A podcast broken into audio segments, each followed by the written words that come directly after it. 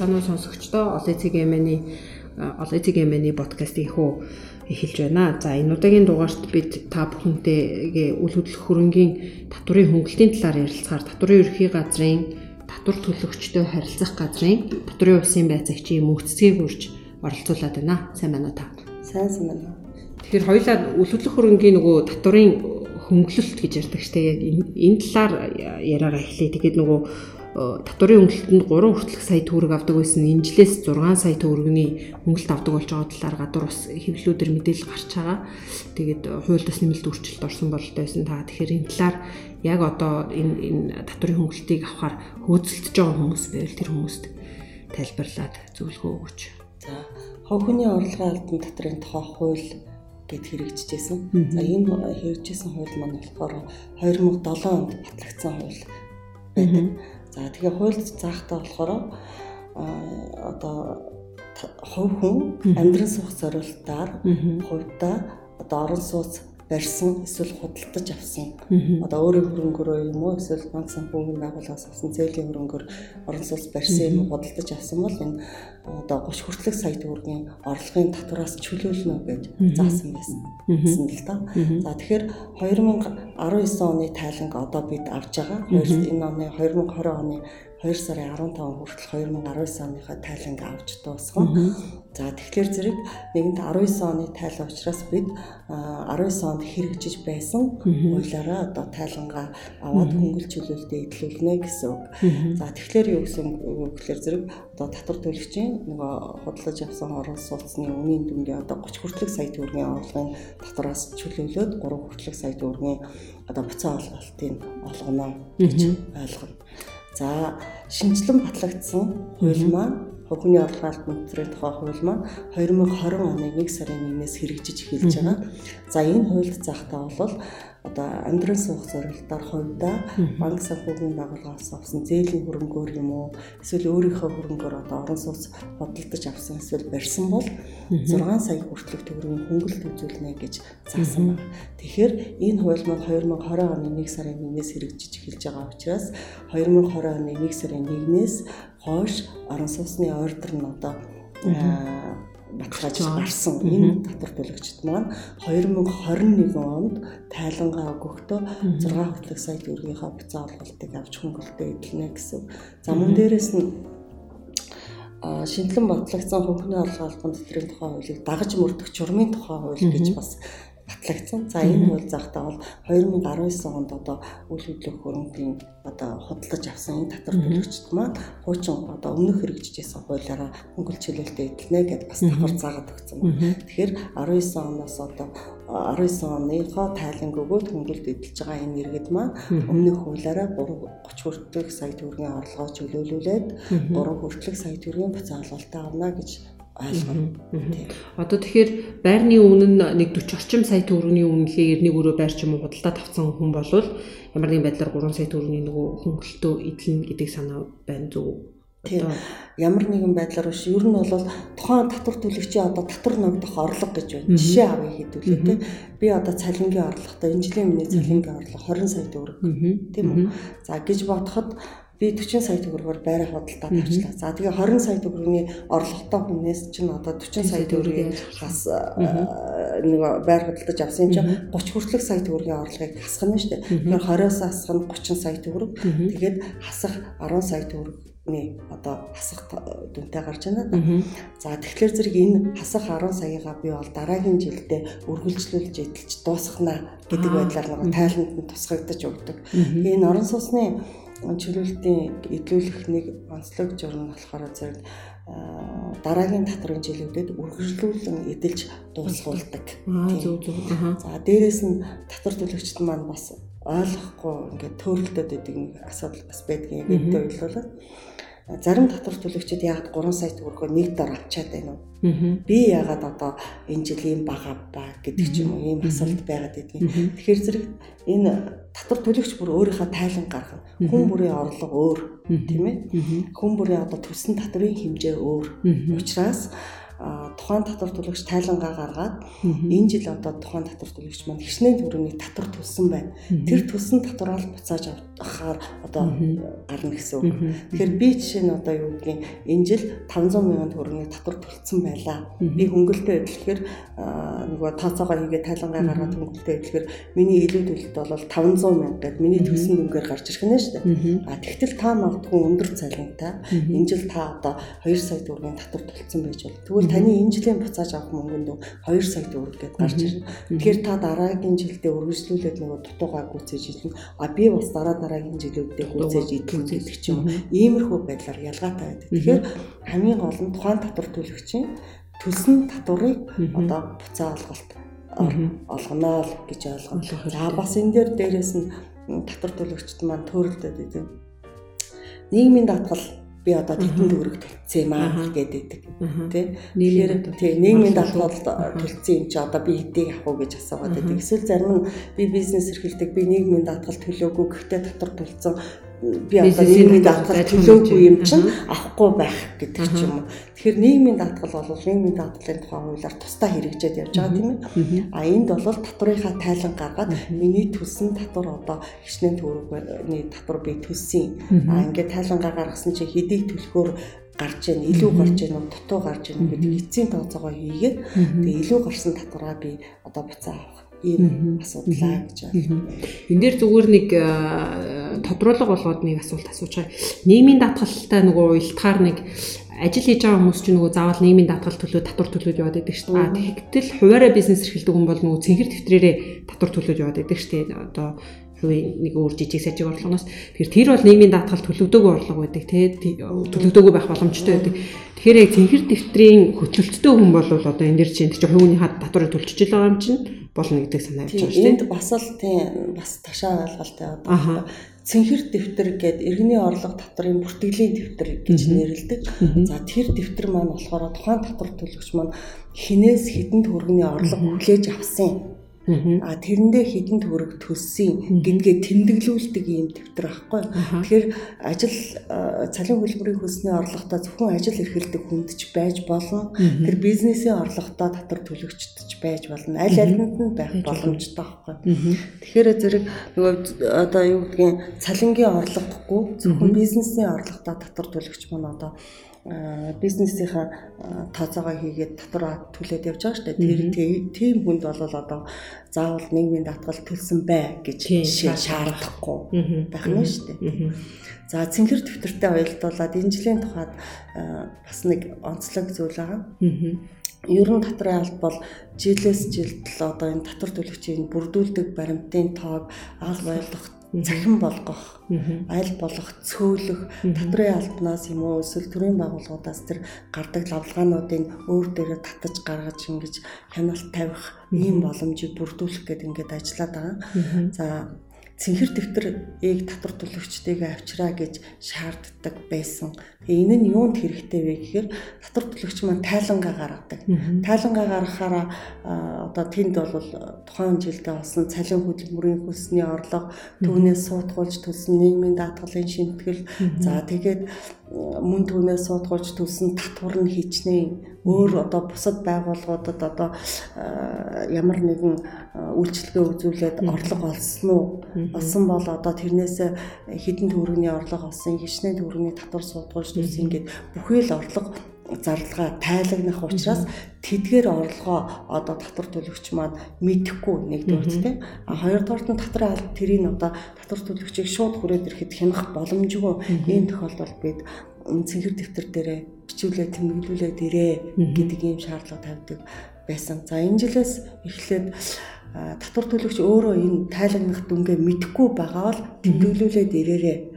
Та өөрөө одоо тэр тайлагнах дүнгээ тэ би хичнээн төгрөгийн цалингийн орлого олсон. Тэндээсээ хичнээн төгрөгийн нэмийн даатгал суудгуулсан. Хичнээн төгрөгийн татвар төлсөн гэдгээ мэдээд тайлангаа бүглэх юм чадвартай ийм байгаа бол заавал цэнхэр дэвтэр танаас шаардахгүй байж болно гэдэг ийм байдлаар энэ жилийнхаа чиглэлийг ер нь ол өгсөн байгаа. За тэгээд татвар төлөгчд маань би тайлагнаж энэ юугаа мэднэ гэж байгаа тохиолдолд ер нь татвар төлөгч бол өөрөө нөгөө захим тайлангийнхаа системээр ороод өөрөө тайлагнах үүрэгтэй л тэ. Тэгэхээр тэнд тайлангаа одоо бөглөөд ингээд мэдээж чадж байгаа бол заавал цэнхэр дэвтэр шаардахгүй гэж. За тэгээд цэнхэр дэвтэр шаардахгүйгээр тайлангаа аваад ингээл болчтiin үү гэхээр бас үгүй. Аа бүх татвар төлөгчд маань энэ хувь хүний орлогын албан дотрын тайлангаа 2 сарын 15-ны дотор одоо тушаадаг өгдөг байгаа цахимаар компаниуд ч гэсэн хувь хүн ч гэсэн одоо хувь хүний орлогын албан дотрийн хуулиар бол 2 сарын 15 гэх тайлангаа өгдөг. За ингээд тайлангийн хугацаа дуусаад 2 сарын 15-наас хойш манай нөгөө тайлан боловсруулалт ажилдаг цахимаар. Тэгээ ингээд тайлан боловсруулалт ажиллаад эхлэхээр за тухайн татвар төлөгч маань одоо хаана хаанаас ямар ямар орлогоо төлөж аваад ямар ямар татвар судгуулсан гэдэг маань нөгөө байгууллагуудынх нь тайлангаар ороод ирдэг. Мөрөгж явах хэрэгтэй шүү. Мөрөгж явах хэрэгтэй тий ороод. За ингээд ороод ирэнгүүт нөгөө тайлангаа гаргаж өгсөн хувь хүний тайлан маань үнэхээр үнэн зөв бүглэгдсэн байх юм бол энэ тайлан бол шалгуур хангасан байна. Үнэн зөв байна. Энэ мэдээллийн хүрээнд гээд шууд хүлээн авчдаг. Дутуу тайлгнсан одоо мартад санаад гэдэг юм уу тий орлогоо дутуу тайлгнсан ийм байх юм бол энэ тайлан шалгуур хангахгүй байна гэд гараад ирдэг. А ингэсэн тохиолдолд татвар төлөгч иргэд маань яах ёстой вэ гэхээр өөрийнхөө нөгөө захим тайланлуугаа нэвтэрж ороод 2 сарын 15-наас хойш одоо нэвтэрж орж байгаа юм шүү дээ. Нэвтэрж ороод хэрвээ таны тайлан шалгуур хангаагүй гэсэн төлөвтэй байх юм бол та тайлангаа засварлаж өгөх хэрэгтэй. За ингээд засварлаж өгөхгүй байх юм бол нөгөө тайлан шалгуур хангаагүй ч ихтэй байж байгаа. Нөгөө илүү төлөлтөнд баталгаажихгүй. Тэр мөнгө буцааж авч чадахгүй. Тийм эрсдэл үүсэх магадлалтай. А хэрвээ ерөөсөө би тайлагнах түн мөнгө мэдэхгүй байна гэсэн хүн бол цэнгэр дэвтэр дээрээ бүглүүлээд ирээд тэрийг газруудаа очиж бүглүүлээд ирсэн дээ тэрийг үнэн зөвөө шалгуулад ингээд тайлхнах нь өөрт нь одоо эрсдэл багтаа юм аа. Тэгээд энэ бас нөгөө яг өөртөө бүглэж чаддгүй хүмүүс зөвлөгөө маягаар та одоо ингээд татварын албанд ажиллаж байгаа хүний үдэлж өөртөө ингээд мэдхгүй яаж хөдөлгөх мэдхгүй байгаа хүн бол хэн хандах хэвтэй юм бэ? Одоо нэг нөгөө тайлан баланс гаргаж өгнө гэдэг нэгтлэнгуудад хандах хэвтэй юм уу? Эсвэл ингээд аудит маудитын компанид хандвал зүгээр юм уу? Яг одоо бодит амьдрал дээр яг ямар хүн хандвал зүгээр гэдэг вэ? Зүгээр зөвлөгөө магтаа таавал шууд ингэж хийшээ гэдэг байгаа юм байхгүй. Тийм тэгэхээр тухайн одоо нөгөө таалангаа гаргахын тулд одоо тэр тэгтлэн бодох бүртгэлийн мэрэгжилтэй хуулийн мэдлэгтэй те ямар ч хүнээр хандаа зөвлөгөөг авч болно шүү дээ. Дотрын мэрэгсэн зөвлөгөөд байна, аудитын компаниуд байна те. Хуваараа одоо үйлчлэгээ үзүүлдэг нэгтлэнгууд ч гэл байдаг л байх гих мэтчлэн. Тэгэхээр өөртөө айрал боломжтой хүмүүстэй хандаад. Өөртөө айрал боломжтойгоор гол нь таны тайлан л үнэн зөв гарч явах хэрэгтэй. Танд явдал чирэгдэлгүй гарч явах хэрэгтэй. За энэ явдал чирэгдэлгүй гэдэг дээр дахиад бас нэг гардаг юу байдаг асуудал байдаг. Тэрний юу гэхээр зэрэг хадгаламжийн хүүгийн орлого суудгаж төссөн татварын асуудал байгаа гэдэг. Тэр тухайн хүн хадгаламжтай одоо цөөхөн боловч мөнгөтэй тэрэнд нь бага болгож одоо хүү тооцогдоод тэрнээс нь банк суутгаад татвар төлцсөн байгаа гэдэг. Тэгтэл би одоо тэрийгэ мэдэхгүй тэрнийгээ тайлагнаагүй байж байгаа. Тэгтэл банкнаас нөгөө мэдээлэл нь ороод ирдэг байхгүй. Банкны тайлангаар за энэ нөхөр бол одоо ийм одоо хадгаламжийн хүүгийн орлоготой энэс нийтийн төгрөгний татвар суудгаад танаад төлцсөн байгаа шүү гэд мэдээлэл ирчдэг. Тэгэхээр нөгөө тайлан шалгуур хангаагүй төлөвт бас орох гээд байдаг юм тал байдаг. Тэгэхээр тэрийгээ бас анзаарч яхад гэмгүй. Тэгээ банкны байгууллага бол одоо хэдэн зуун мянган хүн хадгаламж эзэмшигчтэй байгаа шүү дээ. Тэр болгоныхоо овг нэр эргээсний дугаараар нь бас манад ингэж мэдээлэл ирүүлдэг. Нэлээд нарийн мэдээлэл явуулдаг байна шүү дээ. Тэр хадгаламжийн хүүнээсээ төлсөн татварыг бол нөгөө дансны хулгасаа шууд харцгаж болно шүү дээ. Тэгэхээр дансны хулгаа хараад аа тийм бас энэ дэр нэг харуулж хэлэх юм нь яг хувийн орлогын албан дотрын хуулиар банк нөгөө хүн болгоны цэнгэр дэвтэр дээр нь бичлэлт хийнэ гэсэн үүрэг бол хүлээгээгүй байдаг. Аа тийм тохиолдолд одоо тэрийгэ мэдхийн тулд нөгөө яг сая нөгөө дансныхаа хуулгаар тайлангаа гаргаж болох юм аа гэж зөвлөмөр. Дансны улгаасаа харж байгаа тэдэн төрний тодорхойлсон байна гэдэг. За дахиад нэг тодруулах юм энэ нөгөө анхны худалдан авалт гэдэг нь яг ямар шалгуурыг хилээд байгаа вэ? Тэгээд ипотекийн болон банкны хүүсүүрийн зээлтэй хүмүүс бол анхны худалдан авалт тохиолдолд бол бүгдээрээ л авах бол байна шүү дээ. Зээлэр банкны ч бай, банк санхүүгийн байгууллагын ч бай зээлэр байр худалдаж авсан бол тэр тэрнээсээ бас татварын хөнгөлчлөлт идэлж болох нь шүү дээ тий. Тийм. За түрүү дурдсан нэг хууль маань 2007 онд анх батлагдсан гэдэг тийм. Тэг тэр 2007 онд батлагдсан хуулийн анх удаа гэдгийг юу гэж үзэх юм бэ гэдэг дээр дээчүүгийн тайлбар гарсан гэдэг. Тэгээ дээчүүгийн тайлбар нь гарахаараа 2007 оноос хойш анх удаа одоо орон сууц худалдаж авсныг анх удаа гэж үзнэ гэж. За тэгээд энэ хөнгөлч чөлөөлтөнд одоо хувь хүн нэг л удаа хамрагдана. Тэр анхны удаагийнхаараа нэг удаа хамрагдана гэж байгаа. За тэгэхээр зэрэг 2007 оноос хойш орон сууц худалдаж аваад одоо хөнгөлөлтөнд хамрагдаг хүн бол хамрагдаж болох нь байна л да. Гэхдээ 2020 оноос одоо хэрэгжиж эхэлж байгаа энэ хууль маань одоо хэрэгжээд эхэлсэн байгаа ч шинжилэн батлагдсан тэр энэ шинжилэн батлагдсан дотрын ерөнхий хуульд заахтаа энэ хөнгөлт чөлөөлтөндөд хөн хилцэх хугацааг хамаарна гэж заасан байгаа өөрөөр хэлбэл хүн хилцэх хугацаа хамаарна. За тэгэхээр хүн хилцэх хугацаа маань өмнө нь бол 5 жил байснаа одоо 4 жил болоод болцсон байгаа. Батлагдсан. Тэгэхээр 2021 онд бид нар энэ шинэ хуулиар тайлангаа авахдаа хүн хилцэх хугацаагаа баримтлана. Тэгэхээр 2020-оос урагшаа 4 жилээс илүү хугацаатайг болоод бид нар хөнгөлөлт идэвхжүүлэх боломжгүй гэж.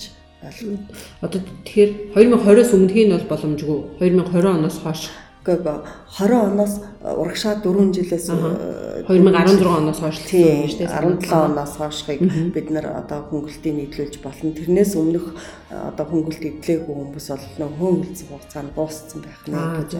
Одоо чинь 2018 онд нэг байр авчихлаа гэж бодъё.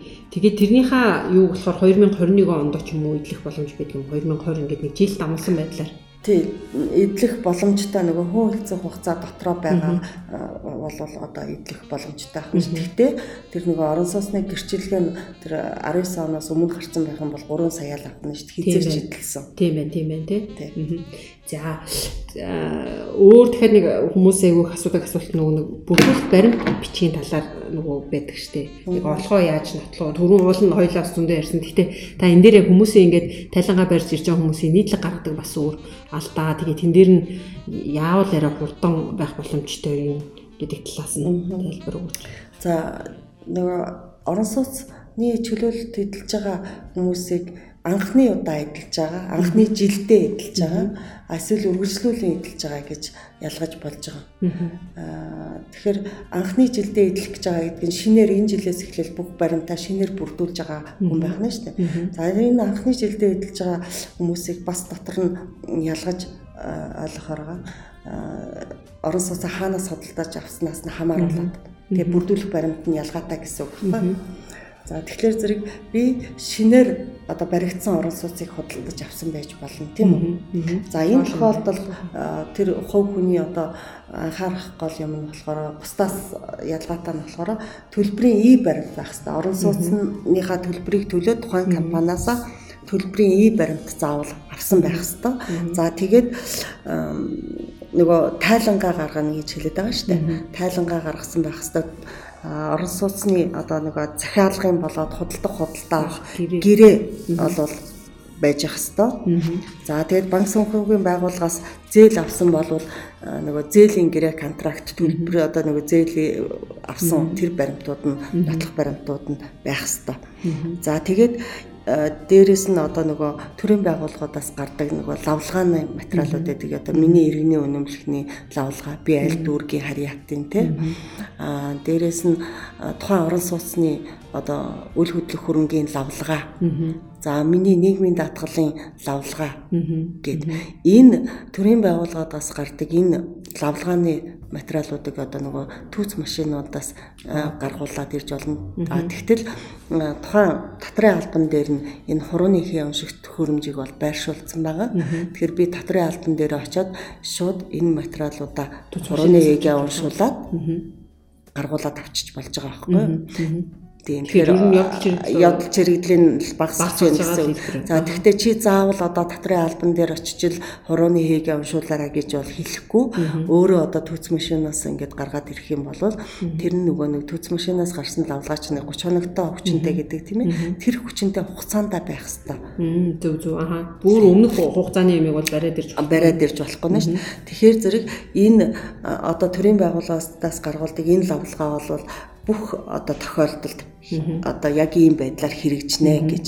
А дээрэс нь нөгөө хөв хүн тайлангаа гаргаж өгнө. Тэгээд тайлангаа гаргахын тулд иргэний орлого татрын бүртгэлийн дэвтэр маань хэрэгтэй гэж үзэх юм бол тэрийг аваад ирнэ. За тэгээд орон сууцны захиалгын юм уу эсвэл худалдаа худалдаа авах гэрээ байна.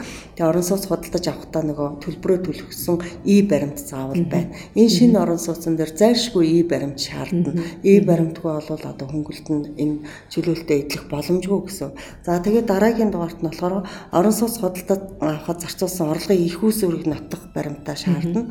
За хэрвээ одоо зээлээр авсан байх юм бол тэр зээл олгосон банк санхүүгийн байгууллагатай байгуулсан гэрээ шилжүүлгийн баримтууд нь байх хэвээр а өөрийн хөрөнгөөрөө худалдаж авсан байх юм бол тэр ямар одоо орлогын их үсрээр би энэ байрыг авчваа гэдгээ нотлох хэвээр. Тэр орлогын татвар төлсөн мөнгө байх хэвээр. Татвар төлсөн мөнгө байх хэвээр гэсэн үг.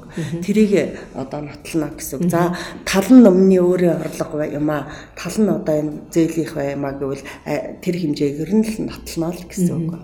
За шинээр баригдсан орон сууцны тухай тийм. За хоёрдугаарт нь одоо хуучин ашиглалтанд байгаа одоо орон сууцыг хувь хүнээс худалдаж авсан байж болно.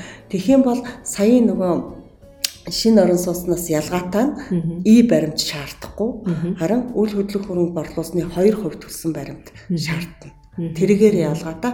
Бусд нь бол адилхан орон сууцыг мэдээж хоёр хүн хоорондоо борлуулахдаа худалдах худлаа авах гэрээ контракт хийн төлбөрөө төлсөн байна. Энд эдгээр нот хэвээрээ аа дээрэс нь нэмээд 2% баримт төлсөн байх хэвээр. За нөгөө орлогын их үүсвэрээ нотлно гэдэг маань хിവэрэ. Бас зээлэр бол зээлийнхээгаа өөрийнхөө л өөрийнхөөгаа нотлоо. За гурав дахь тохиолдолд нь болохоор орон сууц барьсан хүн байж болно. Одоо нөгөө хашаа байшин тийм ээ. Тэгээ энэ тохиолдолд болохоор би хашаа байшин нөгөө байшингаа барихтаа материалууд орно. Материалаа би худалдаж авахдаа төлбөрийн и баримт байж ах хэвээр гэж харна. Хэрвээ энэ нь байхгүй одоо тохиолдолд үйл хөдлөх хөрөнгийн одоо нөгөө үнэлгээний эрх бүхий байгууллагууд гэж байдаг. Эрх бүхий хүн гэж байгаа. Тэдгээрээр энэ миний байшин одоо эдэн сая төгрөгийн өртөгтэй гэдгээ үнэлүүлээд ирсэн байх хэвээр. Тэгээ энэ нь яах гээд байгаа юм гэхэлэр зэрэг нөгөө үнэлүүлжээж одоо нөгөө татвар ногдох орлогоос хасагдуулах гэдэг дээ. Яг 30 сая юм уу 20 сая юм уу хэдэн төгрөгөөр барьсан тийм. Тэрийг тооцох боломжгүй учраас энийг заавал хийлгээд ир гэж байгаа. Тэгээ энийг хийлгээд ир гэхээр татвар төлөгчд маань одоо энэ нөгөө юунд хэрэгтэй хэрэгтэйг нь мэдгүй бас бухимддаг тал бий. Тэр энэ байжээж таны тайланд тусагднаа. Тэг энэ байжээж таны одоо нөгөө буцаа авалт гарч ирэх гээд байгаа маа л гэж ойлгох хэрэгтэй. За ингээд нөгөө шинэ одоо анхны одоо анхны жилдээ эдэлж байгаа хүмүүс ийм баримт бүрдүүлэх нь байна.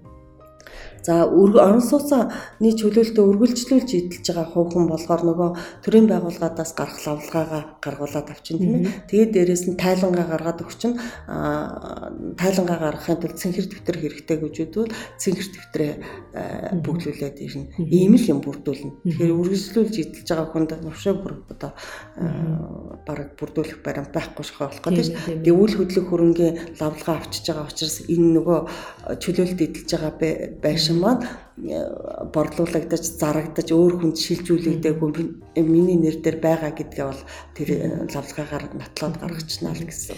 Бэлгэлийн гэрээний хувьд яадаг вэ? Хүмүүс чинь аав ээжээсээс нөгөө орон сууцаа үлж аваад ч юм уу тэрийг бэлгэлийн гэрээгээр урдуур шилжиж гараад ирдэг ш тэр тохиолдол. Тийм.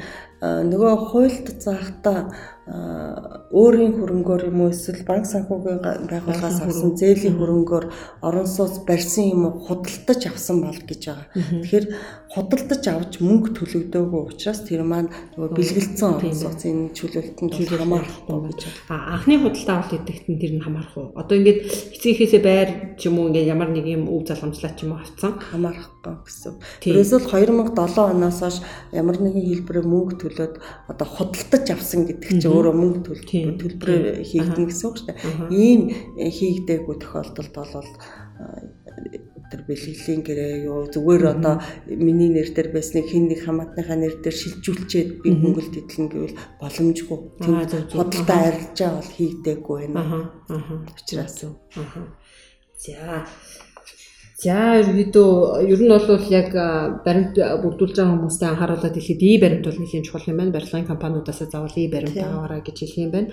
За хэрвээ хувь хүнээс та худалдаж авч байгаа бол нөгөө хүн маань үл хөдлөх одоо танд байр байшингаа зарсан хүн маань үл хөдлөх хөрөнгийн 2% татвараа төлсөн төлсөн байх хэвээр тэр баримтын тэрний баримтыг нэрээ яаж олно гэсэн үг тэр гэрээг 2% баримт бид нар одоо нөгөө бүрдүүлэх баримтын чагсаалтанда 2% төлсөн баримт гэдээ оруулсан байгаа. Аа уг нь оруулахгүй байж болох юм. Яа тэгэхээр одоо юу гэдгийг миний нэр дээр төлөгдсөн байгаа баримтыг би татрын албан дээр очиж шүүлэхэд байж гэн штэ. А тэгтэл зарим иргэд мад тэр тухайн үед одоо хин нэг нэг төлөөдөр гээд ч юм уу явуулцдаг. Нөгөөх нь өөрийнхөө нэрээр өөрийнхөө регистрээр төлсөн энэ тохиолдлууд байгаад тахлаар зэрэг заавал нөгөө баримтаа барьж ирээ гэхгүй бол болохгүй болчдөг. За тэгээд бүрдүүлэх баримтын жагсаалтанд тэр 2% татвар төлсөн баримт гэж бичихгүй байх юм бол танах энд байхгүй юм да нэхлээ гэдэг ийм бас асуудал гаргаад ирдэг. Тэгэхээр татвар төлөгчд маань энэ баримтуудыг бүрдүүлээд бид нар аль болох баримтанд бүрэн байгаад хөнгөлж хөлөлтөд идэлүүлэх ийм зорилготой гэж ойлгохгүй. Одоо ер нь яаж игээд дутуу өвтөөч гэсэн юм аа хүчил болгоно гэсэн ийм ойлголттой байгаад байдаг нь буруу юм аа гэж. За дээрэс нь яг энэ тохиолдолд бас хэлэхээр зарим татвар төлөгчийн баримт нь одоо дутуу байдаг. Жишээлх юм бол нөгөө орлогоо нотлох гэдэг дээр тий. За би одоо талын одоо банк санхүүгийн байгууллагаас авсан зээлээрээ бүрдүүлсэн талын хаанаас бүрдүүлсэн юм бэ гэхээр тэр нь нотлогдохгүй. Тэгээд тэрийг нотлохгүй болохоор чинь одоо тэрийг бүрэн дүрэн одоо нөгөө тайлангаа хүлээж авч бүх юм ин боллоо гэж үзэх боломжгүй болчихлоо. Ингиж болохоор энэ баримтаа бүрдүүлээд дээрээ энийг нотлоорой гэхлээр зэрэгэл одоо их чирэгдэлтэй байна гэдэг асуудал бас зарим талдаа гаргаад идэв. Яг гэхдээ буцаад мөнгө авах чаа гэдэг утгаараа тэрэн дээрээ бас хүн сэтгэлдээ хандаж үзвэл. Одоо ингээд нэг талын за зээлээр авчлаа талын ингээл одоо яг ялангуяа залуу гэр бүлүүд ч юм уу нөгөө аав ээжүүд нь ингээд нийлүүлээд мөнгөний төвчсөн тохиолдол байдаг шүү дээ. Цуглуулж ирсэн эдэн төгрөгөө. Тэгээ тэр тохиолдол дээр аав ээжийнхаа тэр олсон орлогыг ингээд баталгаажуулах хэрэгтэй юм уу? Ч одоо бараг дэлгэнд л авчиж гин гэсэн санаа шүү дээ ээж аваас авчаа. Тэр тохиолдолд яах вэ? Тийм тэгэхээр одоо тэр бид нар татрын хаалт бол тэрийг хүлээж авч байгаа. За аав ээж нь одоо юу гэдгийг яг одоо миний ойрхон жишээн дээр хүртэл байна л да аав ээж нь нэг хашаа байшин байсныгаа зараад тий тэрнийхээ мөнгийг хүүхдүүдтэй өгөөд урьдчилгаа 30% нь одоо бүрдүүлээд ингээ өгчлөө. За энэ тохиолдолд яаж байгаа вэ гэхээр зэрэг татрын албан дээр энэ аав ээжээс нь одоо энэ хүний дансанд одоо мөнгөний шилжүүлээд өгсөн гэдгээл нотлно. За хэрвээ одоо тэрийн манай нөгөө бас мэдээллийн санд бүртгэгдэн л дээ. Тэр аав ээжээс нь ийм юу орсон гэдэг. Тэгээ эргээгээд одоо тухайн аав ээж бол тэр шалгагдлаа гэж үзэхэд одоо 2% татвараа төлцсөн. Энэ одоо татвар төлсөн юмаа бид нар хүүхдтэй бэлгэсэн гэдэг чинь юм байна. За одоо бол заавал ээж аав нь тэндээсээ тэрийгэ зараад ингэж өгсөн юмаа гэж нотлохгүйгээр одоо аав ээжээс энийг өгсөн гэдгээл нотлох хэрэгтэй. За зарим тохиолдолд бас байгаа юу гэдгийг өөртөө байсан хөрөнгөө зараад за одоо сая хашаа байшин жишээ авчлаа шүү дээ машина зараад 30% урьдчилгаа хийцэн гэлтэй. Тэгэхээр зэрэг тэр машин зарж борлуулсан орлогоо бас тайландаа тусгахчих хэрэгтэй. Би машина одоо юу гэдгийг за нэг 150 сая төгрөгийн байр авлаа гэхэд миний машин одоо хэдэн сая төгрөг тэр 30% нь хэдэ болох вэ? 45 сая төгрөгөөр би машина зараад тэгээ ингээд юу даварчилгаанд өгсөн байж болно. За ийм тохиолдолд нөгөө тайлан дээр хөрөнгө борлуулсны орлого, хөдлөх хөрөнгө борлуулсны орлого 45 сая төгрөг. А нөгөө талд нь хасагдах дүн маань миний машин өөрөө хэдэн сая төгрөгийн өртөгтэй байсан. Тэрийг хасаад өгч Тэгэхээр татвар төлөгчид энэ 45 сая төгрөгийн орлогоо мэдүүлчихээр л 45 сая төгрөгөөс 10% татвар шууд төлөх юм байна гэдэг ойлголт толгойд нь буугаад тэрийгэ мэдүүлэхгүй ингээд тойруулаад тэгэл одоо хаанаас юу олж тавих уу гэдэг ч юм уу. Иймэрхүү байдал бас үүсдэг юм шиг байгаа. Юм. Аа энтэй холбоотой бас ингээд хөрөнгөө борлуулчаад тэндээсээ татвар төлөөгүй ийм хүмүүс бол тэрийгэ төлөөд бас хамрагддаг ийм кейсүүд бас байна. Жишээ нь одоо нөгөө хөдөө ялангуяа их гард юм юм лээ. Хурдан удмын адууга зараад оросоос авцсан юм а. Тэгээ хурдан удмын адууга зараад татвараа төлсөн юм уу гэхээр төлөөгүй те. Тэгэхээр тэрийг одоо тайландаа тусгаад төлөөд эргээгээд хөнгөлтөө идлээд ингэж явж бас болдог. Тэгэхээр гагцхүү одоо тэр татвар төлөгч маань эрхээч эдлэн үргээч биелүүлнэ л гэж ойлгох. Хэрвээ татвараа төлсөн бол хөнгөлтөө мэдээж аавна төлөөгүй бол одоо тэр чинь мэдүүлээд Гэхдээ энэ кейсүүд дээр жоохон сони тэг өртгөн одоо жишээ нь хурдууд ядуун дээр байна хэрж одоо юу тавьхдах тавьдах юм баг байхгүй болчихно. Тэгэхээр одоо тэр татвар төлөгч өөрөө ер нь бол нөгөө татраа үнэн зөв тодорхойлж төлж тайлбарна гэсэн ийм хуулийн бас заалуулт байна л да. Тэгэхээр тэрнийхээ дагуу нутаг баримтын хүмүүс бүрдүүлдэг тийм л асуудал. Аха. За за.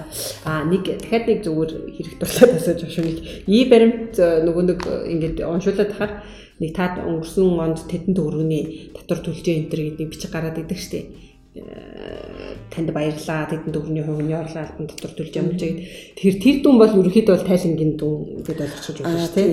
Энийг бас хэлхээ мартцсан байна. Ер нь болоо нөгөө e баримт аппликейшнаар одоо нэвтэрж ороод иргэний үнэмлэхээ уншуулахаар нөгөө захин татвар гэсэн цэсрүүгээ ороод иргэний үнэмлэхээ уншуулахаар миний одоо тухайн жилд одоо төлсөн суутгуулж төлсөн татврын дүн гардаг болгож байгаа. Аа тэгвэл тэр гоё юм шүү дээ. Нөгөө нийгмийн даатгалын нэг юу лавлгаа шиг юм авдаг шиг тийм. Ер нь тийм болж байгаа. Тэгээд бид нэ одоо энэ дээр бас нөгөө хөгжүүлэлт хийлгээд зөвхөн цалингийн орлого биш бүх одоо байгууллага бүх байгууллага бүх одоо энэ тухайн иргэнд олгосон орлогоо энэ одоо нөгөө тухайн байгууллагын тайлангаас нь шууд татаад ингээд бүх төрлийн одоо орлого бүх төрлийн суудгуулж төлсөн татварыг ийм баримт аппликейшн харуулж болдог. Ийм байдлаар бас оруулж хийж байгаа. Тэгээ 2020 оноос бол ийм бол за яг өнөөдрийн тухайд гэхэд жишээ нь татвар төлөгч маань бас харж болно. Энэ одоо суулгасан татвараа дахин орлогоо бас харж болохоор байгаа. Гэхдээ яг өнөөдөр ингээд тайлбар өгж байгаа татвар төлөгч маань энийг харж болох боловч нөгөө суудгуус суутгаж төлж байгаа байгууллага маань тайлбар өгч дуусах хугацаа болоогүй. Зөвхөн одоо манад байгаа тайлбарууд нь 3 дугаар улирлын тайлбар байгаад байна. Тэгэхээр би жишээ нь өөрийнхөө дүнг харъя гэхэд миний 3 дугаар улирал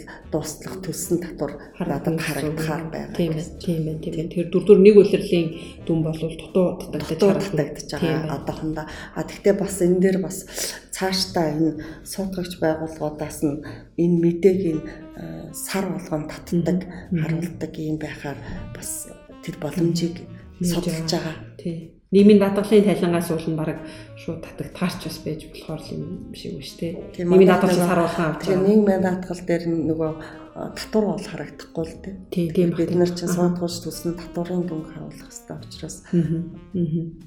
За манай энэ удаагийн подкастыг хүлээн авсан та бүхэнд баярлалаа. Үйлдвэрлэгтэй холбоотой өөр зөвлөгөө мэдээлэл авахыг хүсвэл та бүхэн манай Facebook хуудасаар ороод хандаарай. Манай энэ удаагийн зочноор оролцсон байцаагч мөнхцэгтэй бас их баярлалаа. Сонирхолтой зөвлөгөө өглөөж өгч байна. За баярлалаа.